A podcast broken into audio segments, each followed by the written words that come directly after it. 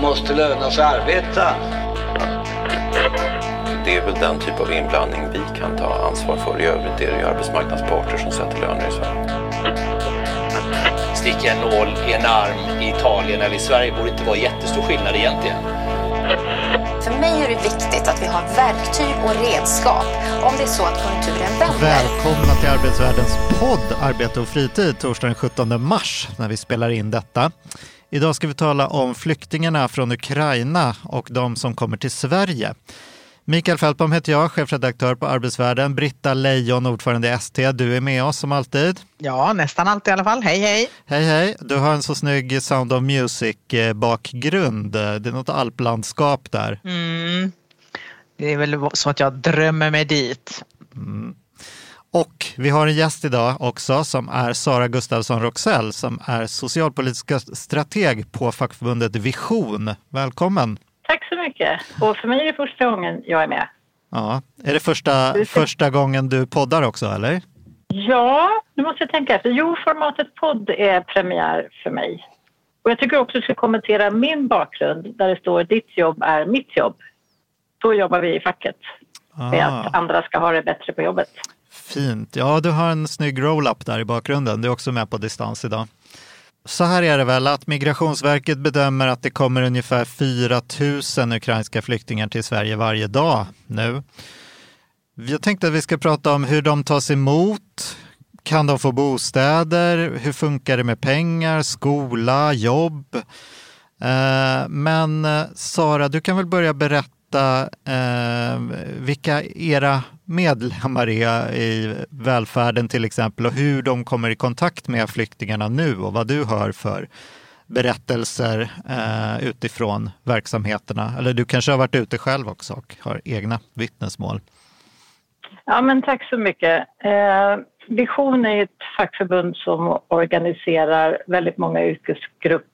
Gemensamt kan man säga att man på olika sätt jobbar inom välfärden. Vi har drygt 200 000 medlemmar som jobbar i kommuner, regioner, eh, privata bolag, företag, inom kyrkan. Så det är väldigt många av våra medlemmar som på olika sätt kommer i kontakt med personer som söker sin tillflykt i Sverige. Eh, och jag tänker att eh, det jag får höra från framförallt eh, kommunerna, kommunsektorn, så är det att nu kavlar man liksom upp och så jobbar man med det som behövs i den akuta situationen. Den här situationen som är nu är ju lite annorlunda än vad det var eh, i flyktingmottagandet 2014-2015 på olika sätt och det kommer vi säkert komma in på. Men nu handlar det om att vara på plats dit folk anländer och se till att folk får någonting att äta, har någonstans att sova och får information om hur man går tillväga när man kommer till Sverige. Just det, och jag tänker att det där är väl ett delat ansvar mellan kommunerna och Migrationsverket. Är det inte så Britta? Dina medlemmar jobbar ju på Migrationsverket. Ja, exakt. Eh, och det är ju många saker man skulle önska eh, var annorlunda än vad de är och jag skulle ju önska att vi som nation hade lärt oss lite mer än vad vi har, verkar ha gjort eh, jämfört med hur det var 2015. Just nu så är det ju precis som du säger Mikael att väldigt många kommer till eh, Malmö, till Norrköping, till Stockholm, till Sundsvall, ja till många, många liksom, Nynäshamn, många delar av, av Sverige just nu och eh, vi har ju haft stora nedskärningar på Migrationsverket de senaste åren. Det är många boenden som har lagts ner. Det är personal som har sagts upp.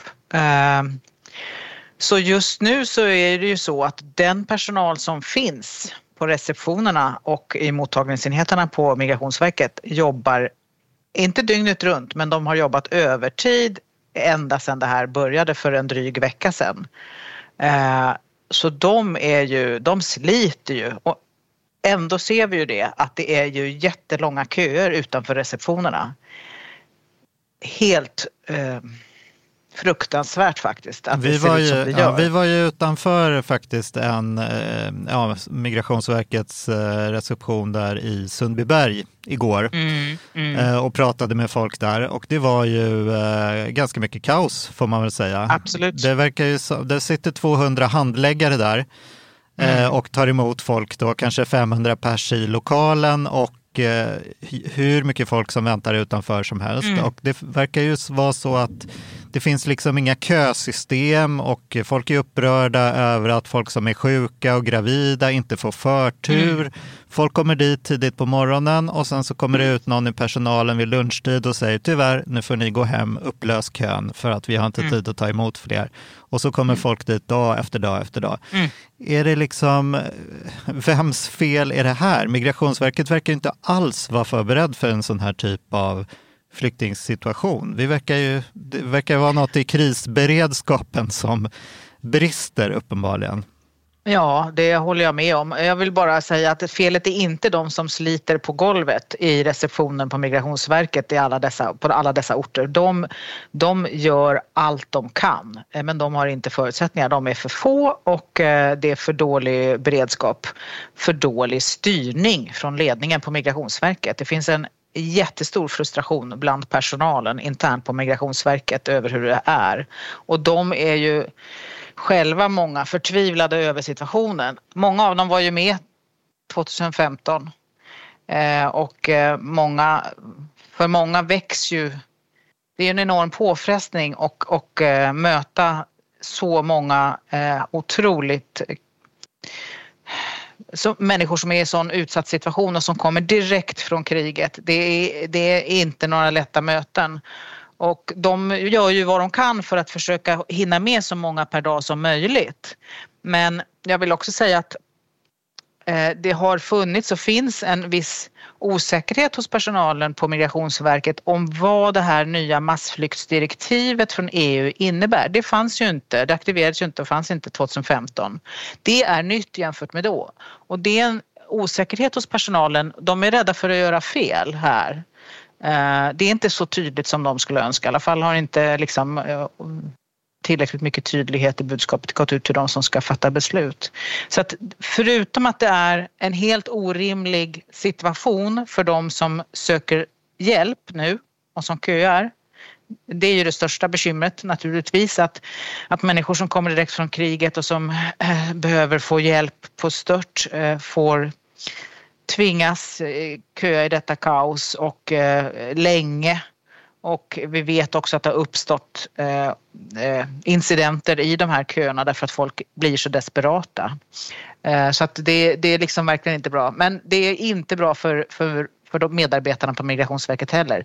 De gör allt som står i deras makt och de sliter. Och, men det är så att när de kommer till jobbet på morgonen då är det ju liksom flera, det är jättemånga som står i kö redan då. De jobbar på som 17 så gott de hinner och jobbar över hur länge som helst eh, och när de går hem så är det fortfarande massor med folk. Eh, folk sover över på natten och sådär. Så att, och de har, det är en påfrestning mentalt för dem att jobba eh, med det här. I ett första läge så måste det ju handla om att ha någonstans att bo. Och många, har väl, många som kommer just till Sverige är det väl för att man har någon kontakt här, så då kan man ju bo hos dem. Men all, för alla är det väl inte så. Är det rätt att det är liksom kommunerna som får ta den första eh, försöka fixa boende åt folk som kommer och sen så fort man har liksom eh, fått, kommit fram i kön på Migrationsverket, då är det egentligen Migrationsverkets ansvar att fixa boende.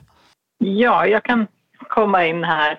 Eh, jo, men det är det som är eh, lite speciellt med massflyktsdirektivet då. För att om man eh, tillhör den gruppen så att säga som, som eh, ja, berörs av det, då eh, är det den här lagen om mottagande av asylsökande, LMA, som gäller under den tiden. Och det kommer ju vara minst ett år har man sagt, minst fram till 4 mars 2023. Och då är det Migrationsverket som ska ansvara för boende och eh, det eh, dagsersättning, behov av ekonomiskt stöd man eventuellt kan behöva ha. Men sen finns det ju i socialtjänstlagen finns det ju inskrivet att kommunen har alltid det yttersta ansvaret för att personer får det stöd och den hjälp som man behöver. Och också då enligt LMA så är det att i avvaktan på att Missionsverket träder in så har kommunerna ansvar för att man har någonstans att sova. Eh, man kanske inte kan, alltid kan kalla det ett hem så att säga, men, men att man har någonstans att ta vägen och att man har mat och så vidare. Någon form av grundläggande trygghet. Och då blir det socialtjänsten eh, som får ordna med det i de flesta fall. Och då ska vi också betänka att socialtjänsten är en verksamhet som är ganska skör och har varit alltså innan förra vågen av flyktingmottagande också. Så det är en, en, eh, verksamhet som är ganska känslig för liksom ytterligare påfrestningar. Och vi har precis gjort en undersökning bland våra medlemmar som kommer i en rapport eh, alldeles när som helst. Och redan liksom innan det här stora flyktingmottagandet som är aktuellt nu så sa 66 procent av våra medlemmar som jobbar i socialt arbete att man har för mycket att göra på jobbet. Eh, fyra av tio socialchefer säger att den budget man har inte räcker till de lagstadgade rättigheter som individer har när det gäller att få hjälp från socialtjänsten. Och och är det, de, är det socialtjänsten som rycker in nu och fixar boende i första läget? Hur funkar det, är din uppfattning, liksom, ute i kommunerna? Ja, enligt LMA då så är det kommunens ansvar, så kommunen kan ju organisera det här eh, på lite olika sätt. Eh, men om man som enskild individ söker akut nödhjälp hos kommunen, då är det socialtjänstlagen och socialtjänsten som träder in. Men jag tror att många kommuner är ganska pragmatiska nu och kavlar upp ärmarna och Migrationsverket har ju gått ut och bett om hjälp och säger att vi kommer inte kunna ordna fram boendeplatser för det, det man har skalat ner tidigare blir väldigt svårt att skala upp så fort som det behövs. Så att nu tror jag att man lagar efter läge. Kanske det gör man ju bryter, definitivt. Ja, kanske bryter man mot någon lagparagraf någonstans bara ja. för att säkerställa att folk ska ha någonstans att sova ja. och man ska få mat. Och någonting som skiljer eh, flyktingmottagandet nu, eller vilka det är som kommer till Sverige jämfört med för eh, sju, åtta år sedan, det är ju att det är övervägande kvinnor och barn. Eh, och det är lite yngre barn också. Eh, det är färre som kommer ensamma utan sina vårdnadshavare, ensamkommande barn. Och för dem som kommer själva utan någon vårdnadshavare så har ju socialtjänsten eh, hela ansvaret hela tiden så att säga. För då ska det göras en placering enligt socialtjänstlagen och då ska det ju finnas familjehem eller HVB-hem, hem för vård eller boende, som ska vara kvalitetssäkrade. Eh, än så länge så har det inte kommit så väldigt många ensamkommande men vi, vi vet ju inte var, hur det utvecklar sig. Men Britta, du sa ju att du tyckte att vi inte hade lärt tillräckligt från 2015.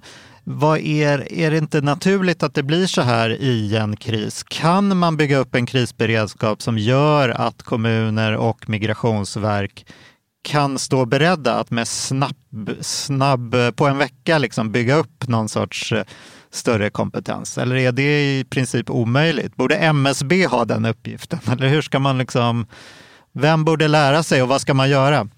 Absolut att man måste vara ödmjuk för att varje kris eh, ser annorlunda ut än den föregående.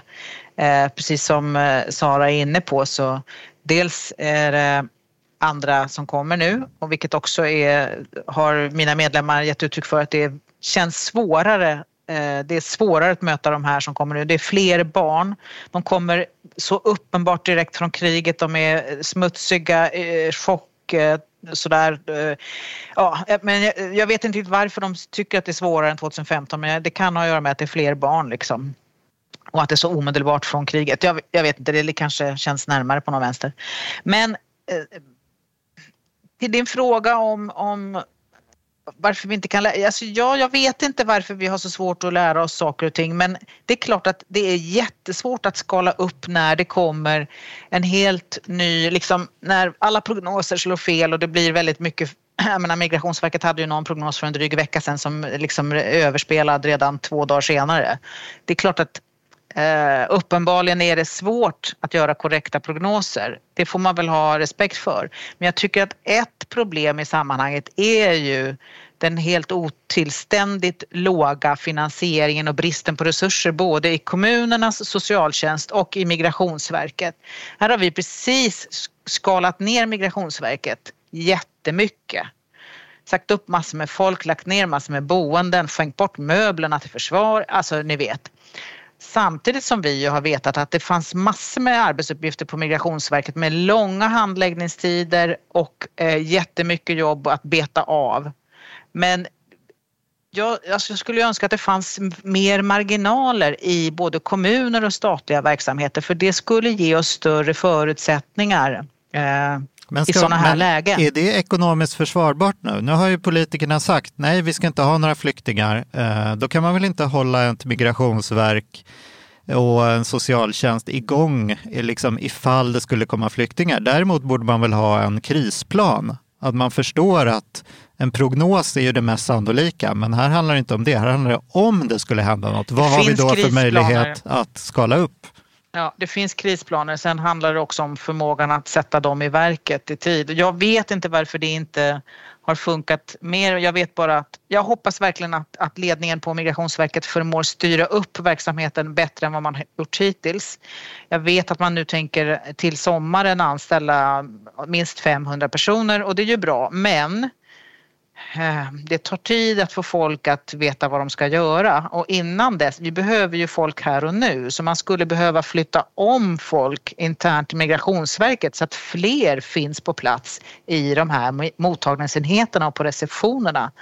Och eh, självklart så hoppas jag att det som eh, flera verkar i teorin ge uttryck för nu från kommunalt håll eh, och, och sådär att man, fler kommuner säger att de är beredda att hjälpa till än förra gången. Det hoppas jag blir verklighet men jag tror att Eh, vi har hört sånt förr och eh, det återstår, det, jag, jag, tror på det först när jag ser det. Egentligen borde vi klara av det här bättre. Och det finns ju krisplaner. Jag vet inte varför inte detta eh, funkar men jag tror att en, en del av problemet är den här otroliga svängigheten i politiken och i resurs, de undermåliga resurserna till både kommun och stat. Ja, och Sverige är väl inte direkt, alltså olika granskningar från tidigare kriser, jag tänker tsunamin, eh, flyktingmottagandet 2014-15, coronapandemin. Vi har ju inte den bästa krisberedskapen. Och jag tror dels att det handlar om eh, resurser, som, som Britta säger, men sen också har vi ju en speciell liksom, ansvarsstruktur i Sverige med ett väldigt delat ansvar på olika sätt som skär på alla möjliga eh, längder och tvärheter. Och, och där kan det ju också bli Alltså, man, man, eh, alltså när ansvaret blir otydligt då blir det väldigt lätt att eh, saker drar ut på tiden eller faller mellan stolarna. Eh, vi är också ett ganska byråkratiskt land, olika ersättningar tar tid. Eh, men det jag hör nu från kommunerna det är att man, man på något sätt lite så här blundar och hoppar och tänker att det kommer lösa sig. Alltså vi kommer säkert få ersättning från Migrationsverket, det måste lösa sig och nu får vi lösa uppgiften vi står inför här och nu. Eh, men sen tänker jag en skillnad också mot, mot eh, tidigare omgång av flyktingmottagande var ju att då var det en process med att man sökte asyl och fick man uppehållstillstånd så, så blev man liksom anvisad en kommun att bo i om man inte ordnade sitt boende själv. Nu kommer man inte bli anvisad till en kommun för att man får inte uppehållstillstånd på det sättet utan nu är det eget boende eller Migrationsverkets boende när man har kommit förbi den här akuta fasen så att säga. Och då är det ju jätteviktigt att det sker ändå med en jämn fördelning och spridning över landet så att kommunerna och regionerna kan möta upp eh, på ett jämnt och balanserat sätt. Just det. Vad talar för att det blir så den här gången då, istället för att det blev som förra gången att de som hade bostäder lediga eh, fick ta flyktingarna som kom. Finns det något som talar för att det skulle bli annorlunda den här gången? Som det ser ut nu så verkar ju viljan att möta upp behovet vara större den här gången. Eh, sen om det är läpparnas bekännelse eller vad det blir för, för eh, görande utav det, det återstår väl att se. Men utifrån det som sägs nu så låter det ju mer hoppfullt än förra gången. Men det handlar ju om att kommunerna måste ha kapacitet för att de här barnen ska gå i förskola, mm. skola, eh, de har rätt till tandvård, sjukvård som alla andra barn som vistas i Sverige och då kan det ju inte bli mindre antal kommuner som tar det stora ansvaret när det kommer så här många, över 200 000 personer som beräkningarna säger kan komma på bara några månader. Mm. En sak som jag verkligen hoppas att vi har lärt oss eh, sedan 2015. Det är, jag hoppas att vi har eh, rutiner på plats för att se till att inte det blir lycksökare som nu skär guld med täljsten och som erbjuder helt undermåliga boenden. Det såg vi för mycket av förra gången och jag hoppas verkligen att vi har bättre kontroll än vad vi hade då. Det här eh, tar oss ju in på den lite mer långsiktiga liksom, planeringen med skola och, och arbetsmarknaden tänker jag på. Nu har man ju då uppehållstillstånd till 4 mars eh, 2023. Det är ett knappt år. Nu är det ju ganska mycket kvinnor och barn som kommer. Kommer de här kvinnorna känna att det är värt att ge sig in på svensk arbetsmarknad eh, när man inte vet vad som händer om ett knappt år? Hur kommer det där utspela sig tror ni? Det är jättesvårt att svara på.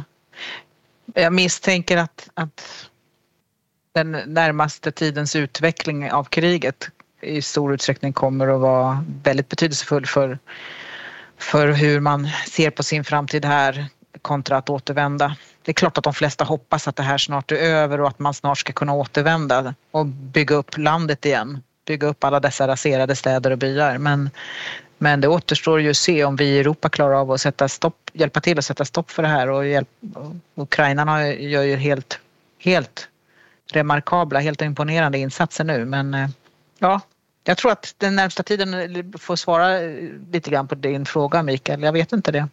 Nej, och sen tänker jag också att det beror på eh, hur lång tid saker och ting tar. Alltså när, när det här kriget tar slut någon gång och hur situationen ser ut då som Britta säger. För jag tänker om man flyr med sina barn och eh, får på något sätt någonstans att bo i Sverige, barnen börjar i förskola eller skola.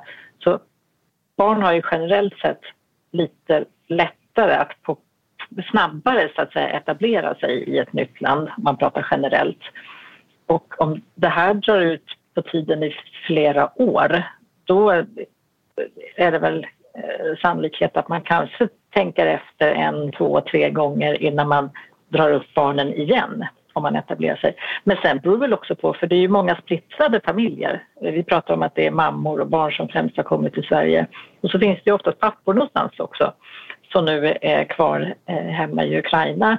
Och beroende på hur utvecklingen blir där och eh, om det inte går att vara kvar där, går det för familjeåterförening. Så det är ju så många frågor som det här har bäring på liksom hur utgången blir framöver. Ja, nej, vi har ju ingen aning, men man kan väl konstatera att eh, krig riskerar att bli långvariga. Eh, och är det mm. rimligt mm. att vi har den här gränsen då på 4 mars? Jag tänker att det om jag bara tänker hur jag hade resonerat om jag hade kommit till ett nytt mm. land och haft mina barn skulle börja en ny skola, man kan inte språket, inte 17 börjar man lära sig svenska och skaffar ett jobb eh, med, med liksom nio månader kvar tills man inte vet vad som ska hända. Nej. Det borde finnas det en ju. process för att liksom, om det här blir långvarigt se till att man får någon sorts besked på flera år så att man kan börja så att det blir värt att till exempel ta ett jobb i Sverige. Mm, massflyktsdirektivet säger ju att det är, ger ju möjligheter till, till arbetstillstånd och uppehållstillstånd i tre år, eh, men, men eh, max. Men jag tänker, du har ju helt rätt i det där och det är därför vi också var väldigt, från vårt förbunds sida, väldigt kritiska mot, jag menar vi har ju gått till tillfälliga uppehållstillstånd i Sverige. Och det är inte bra ur ett integrationsperspektiv. Eh, det är inte bra för barnen och det gör inte förutsättningar för de vuxna att planera Eh, och integrera sig och lära, liksom, både lära sig språk och, och, få en fast förankring på arbetsmarknaden. Därför att man vet, inte om, man vet inte var man ska vara och leva och bo nästa år. Hade man fått tre år från början hade man ju resonerat på ett helt annat sätt. Jag instämmer i det. Alltså, det här eh, byråkratiska ordet planeringsförutsättningar som vi så ofta pratar om att kommunerna och socialtjänsten måste ha, det gäller ju även liksom enskilda individer. Så det är svårt att planera för någonting som är väldigt ovisst.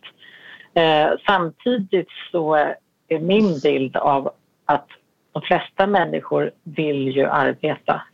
Både för sin egen skull, att ha någonting att göra och speciellt eh, om det är väldigt rörigt, både utanför och inuti en själv så att säga, så är det väldigt skönt att ha en sysselsättning, ett arbete. eh, att gå till som ger lite struktur i vardagen och också att man faktiskt oftast är väldigt mån om att bidra i det landet mm. man har kommit till. Så jag tror att om bara möjligheterna finns och uppstår så kommer de tas. Jag tror vi har pratat om det mesta som jag tänkte på.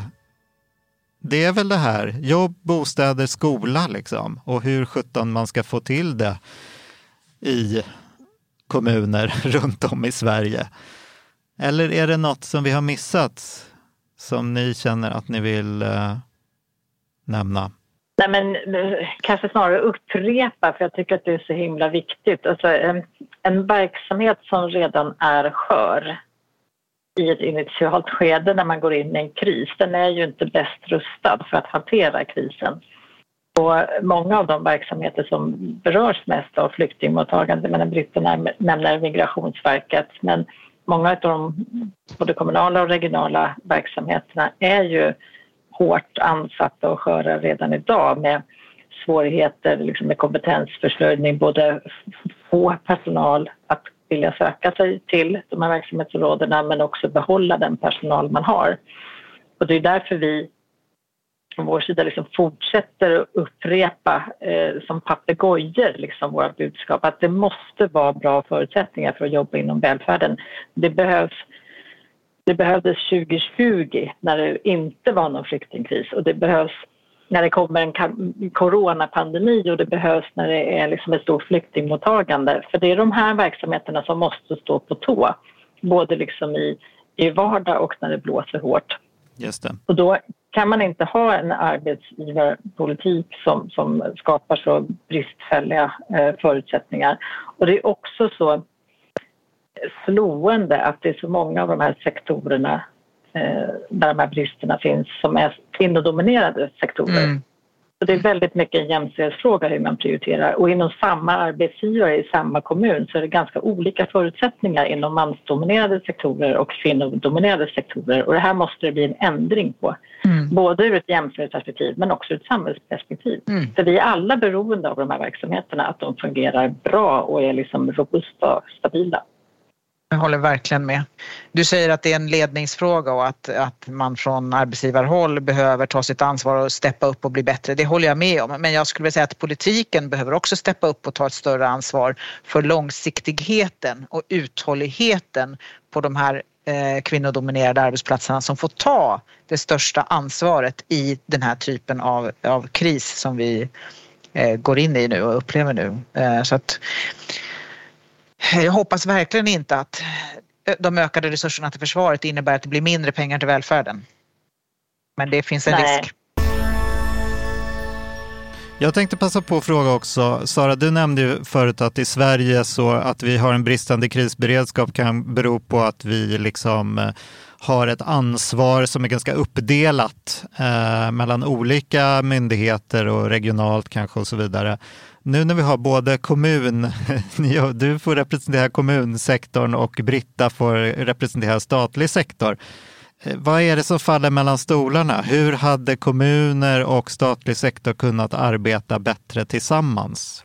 Vad kan ni se från era olika perspektiv att man skulle kunna styra upp den här samverkan i kanske särskilt krissituationer bättre? Ja, men jag tänker på, på Coronakommissionens eh, rapporter som ju pekar på eh, just det här uppdelade ansvaret och att man i det lätt blir lite handfallen. Eh, och jag tror att det handlar både om liksom ansvarsfördelningen mellan staten å ena sidan och, och kommunerna och regionerna å andra sidan. Eh, men sen även i, i det fall där det till exempel finns ett tydligt ansvar för kommunerna så är det som så att alltså, Sveriges kommuner har så enormt olika förutsättningar.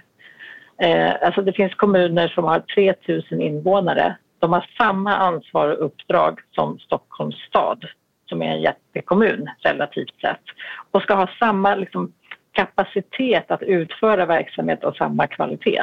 Så det är också en annan aspekt av liksom hur vårt system eh, ställer till det. Eh, och sen har vi också en, en lagstiftning, nu tänker jag kanske främst på socialtjänstlagen, som lämnar väldigt stort tolkningsutrymme inför det som vi värnar så högt i Sverige, som kallas det kommunala självstyret. Och det har ju någon fin liksom, lokaldemokratisk tanke att varje kommun ska liksom ha stort inflytande hur man utformar eh, verksamheten. Men samtidigt så har vi ju ingen acceptans för när det blir olika, eller väldigt låg acceptans som det här kommunala självstyret innebär. För det innebär ju att det ska kunna vara olika i olika kommuner utifrån lokala prioriteringar. Men när de här olikheterna uppstår då kommer de statliga myndigheterna ofta in och granskar och säger att så får det inte vara. Eh, så det där är också ett inbyggt dilemma. Sen vet ju jag att det finns ju liksom en, en, om man nu ska kalla det krishantering, där man sitter från SKR och, och Migrationsverket och, och, andra aktörer just nu och verkligen försöker samla ihop sig och mobilisera och snabbt nå ut med information. Och eh, Migrationsverkets generaldirektör har ju i ett väldigt tidigt skede liksom bett kommunerna om hjälp. Man har inte låtsats som att man kommer klara det här utan man har faktiskt sagt att det här går inte, nu måste vi hjälpas åt. Så att jag har väl en stor förhoppning till att man eh, prestigelöst nu försöker lösa situationen. Men eh, ja, en redan liksom anorektisk verksamhet eh, kan ju kavla upp ett tag men det måste ju också vara hållbart i längden. Mm. Ja, väldigt klokt. Och jag, alltså, jag håller med om det där att kommunerna har så olika förutsättningar. Men, och att vi behöver, alltså jag tycker att efter de inled, om man nu jämför med pandemin och hanteringen där, efter de inledande bekymren med både samordning och att vi faktiskt inte hade de beredskapslager som faktiskt vi ska ha enligt alla regler. Eh, och också senfärdighet tycker jag från en del ansvariga eh, i sjukvården så tycker jag ändå att man har löst det. Vi har löst det trots de här ibland inte helt optimala ansvarsgränserna och strukturerna.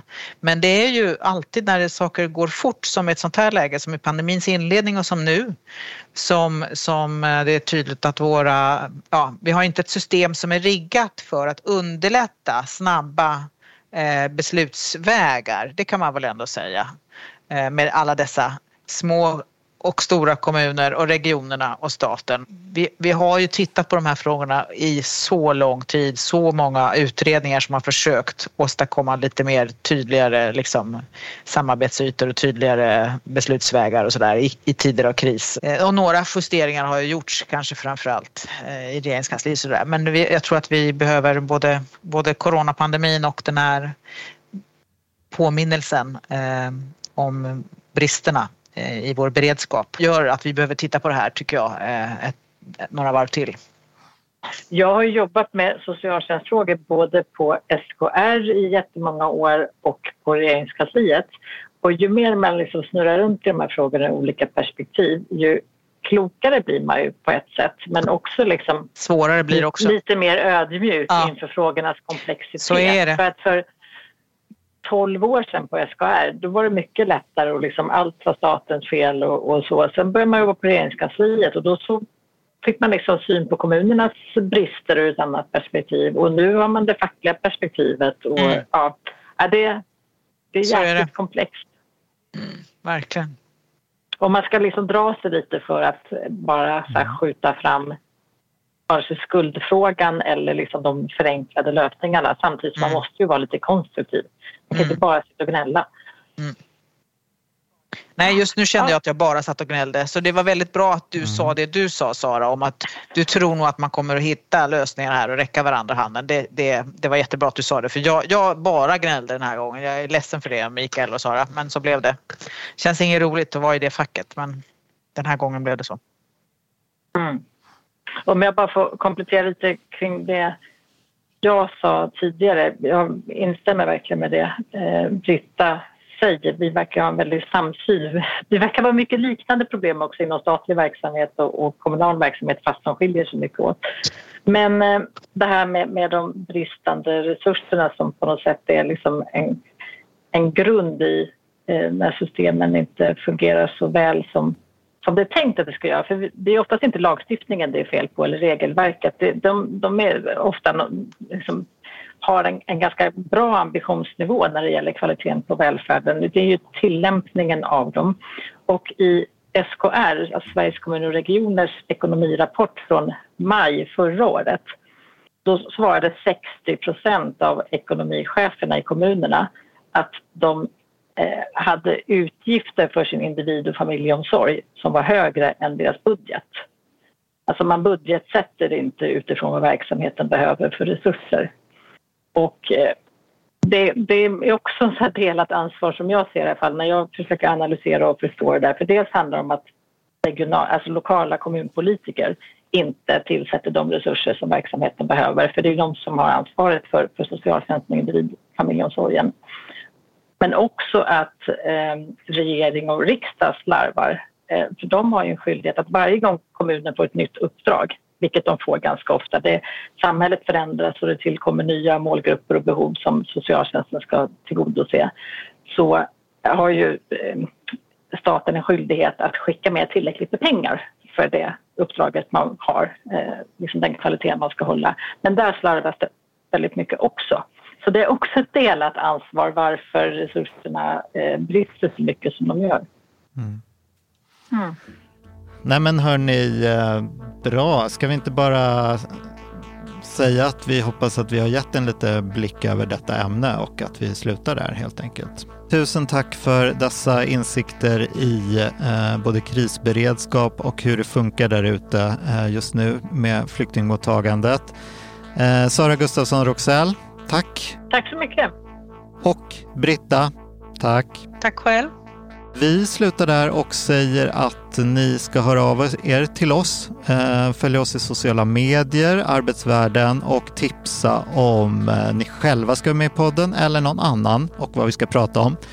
Vi är tillbaks om sådär två veckor igen. Eh, ha det så bra tills dess helt enkelt. Hej hej!